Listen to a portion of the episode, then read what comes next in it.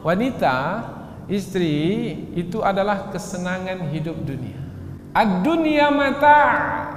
Hadis riwayat Imam Muslim. Dunia itu adalah kesenangan. Wa khairu mata'iha al-mar'atu salihah dan sebaik-baik kesenangan dunia itu adalah wanita yang solehah. Jadi wanita solehah termasuk kesenangan hidup dunia. Harta benda, kesenangan hidup dunia. Kedudukan, kesenangan hidup dunia. Apa lagi? Pengikut yang ramai, kesenangan hidup dunia. Tapi kesenangan hidup dunia itu berbanding akhirat hanyalah setetes air yang terbawa oleh jari ini. Ketika kita memasukkannya ke dalam ke dalam laut. Dan apabila ada istri salehah di samping wah lebih senang lagi. Ada orang yang punya harta rumahnya besar kendaraannya mewah di bank simpanannya banyak tapi tak ada wanita solehah yang mendampinginya bagaimana hidupnya di dunia kesian Nabi Adam di dalam surga bayangkanlah di dalam surga apa yang tak ada dalam surga semua yang kita inginkan dapat. Tapi seorang saja. Sepi. Sunyi. Maka berkeinginlah Nabi Adam untuk mendapatkan pasangan. Ini awal dahululah. Sebelum diciptakan Hawa. Nabi Adam tertidur. Kemudian bangun lagi. Di sebelah rupanya sudah ada pasangan.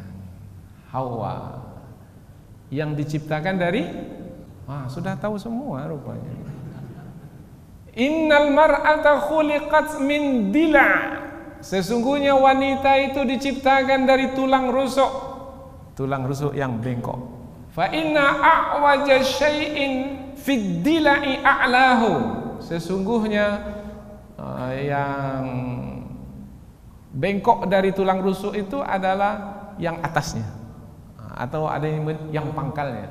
Jadi wanita itu kesenangan hidup dunia, tapi bengkok. Berarti kita bisa menikmatinya atau tidak?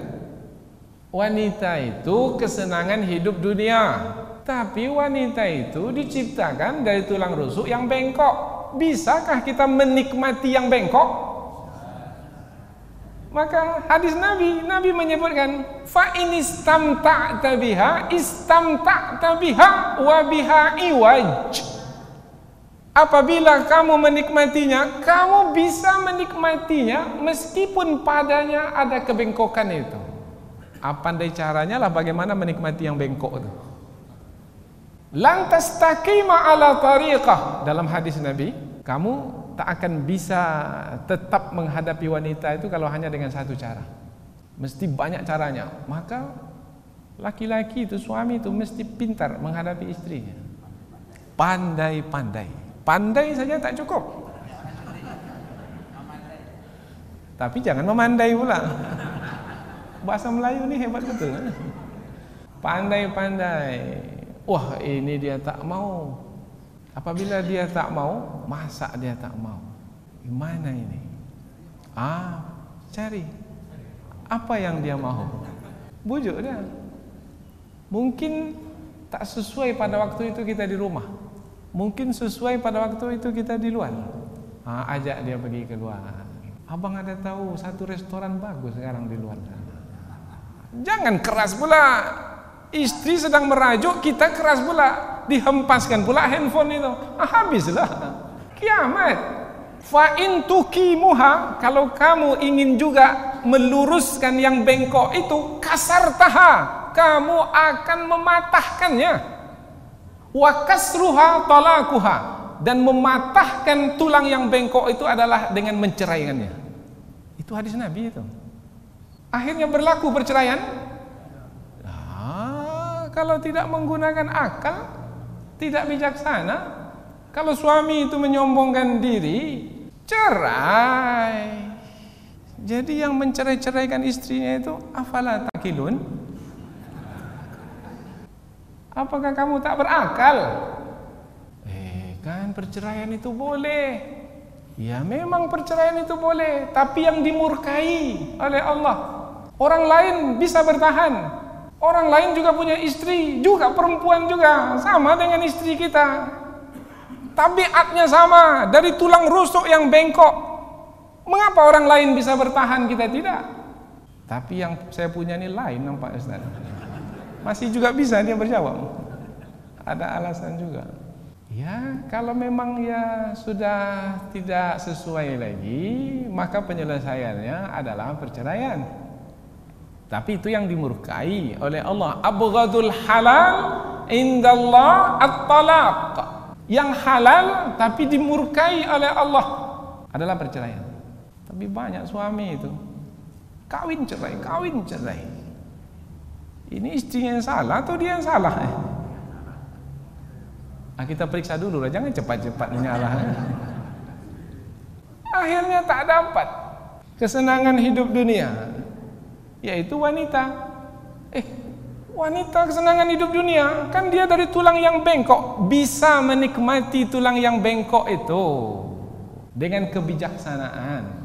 Jangan lihat dunia ini membandingkan istri yang sekarang ini dengan bidadari dalam surga. Ah, ya tidaklah.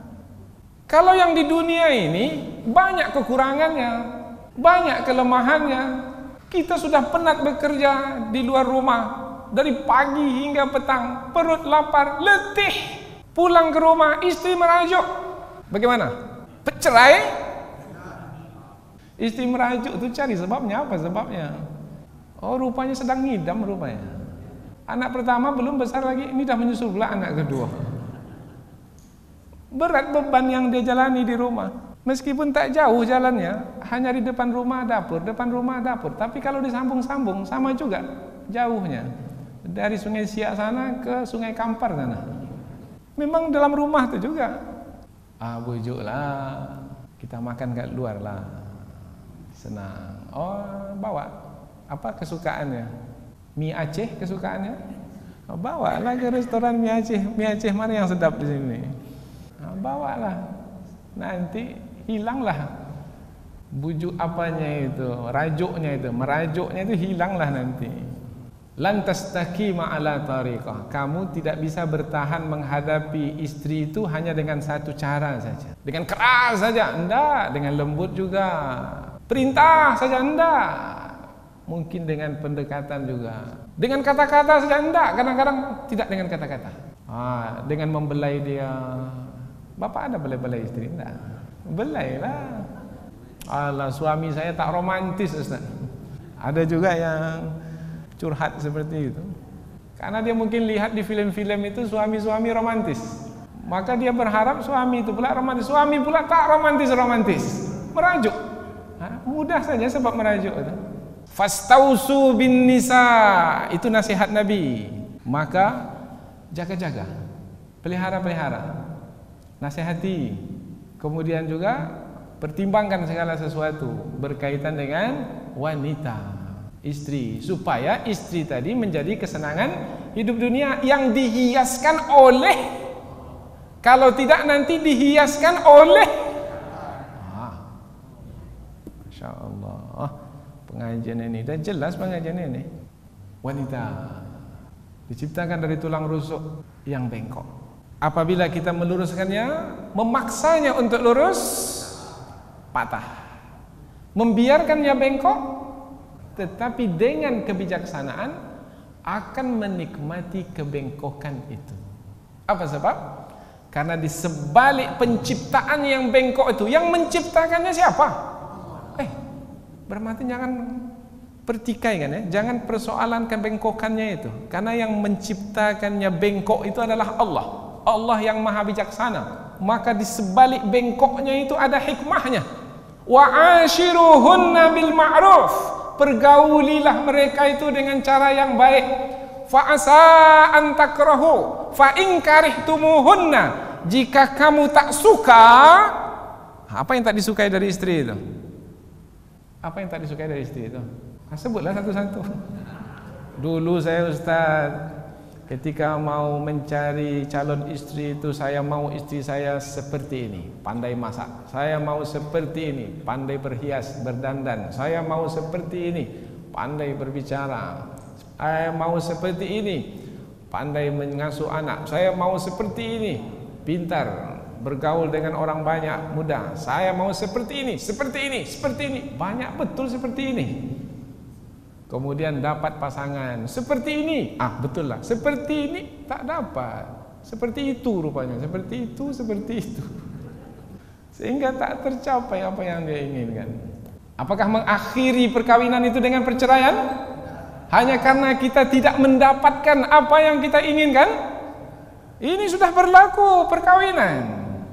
Maka Allah pun berfirman, "Fa in karihtumuhunna" Kalau kamu tak suka, ada satu hatu yang tak suka. Biasalah. Kalau mau sempurna nanti dalam surga.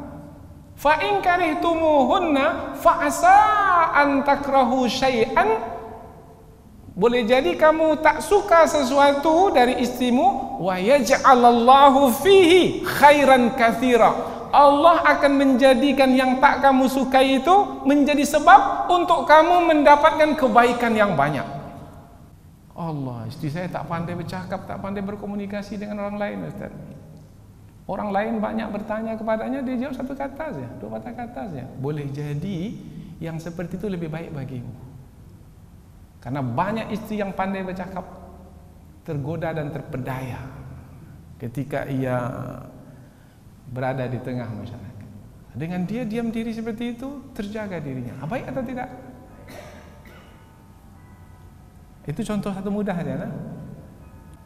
Maka yang diminta dari kita adalah afala ta'kilun. Maka tidakkah kamu berakal menggunakan akal sehingga memahami perhiasan hidup dunia itu bahwasanya perhiasan hidup dunia untukmu dan juga insya Allah kamu akan mendapatkan perhiasan akhirat nanti lebih baik dari perhiasan dunia itu apabila kamu menggunakan akal. Tetapi ketika akal sudah diabaikan, perhiasan dunia tidak lagi baik bagi kita, maka yang di dunia itu pun mungkin tak akan dapat, bisa lepas dan di akhirat juga tidak akan mendapatkannya. Rugi dunia, rugi akhirat.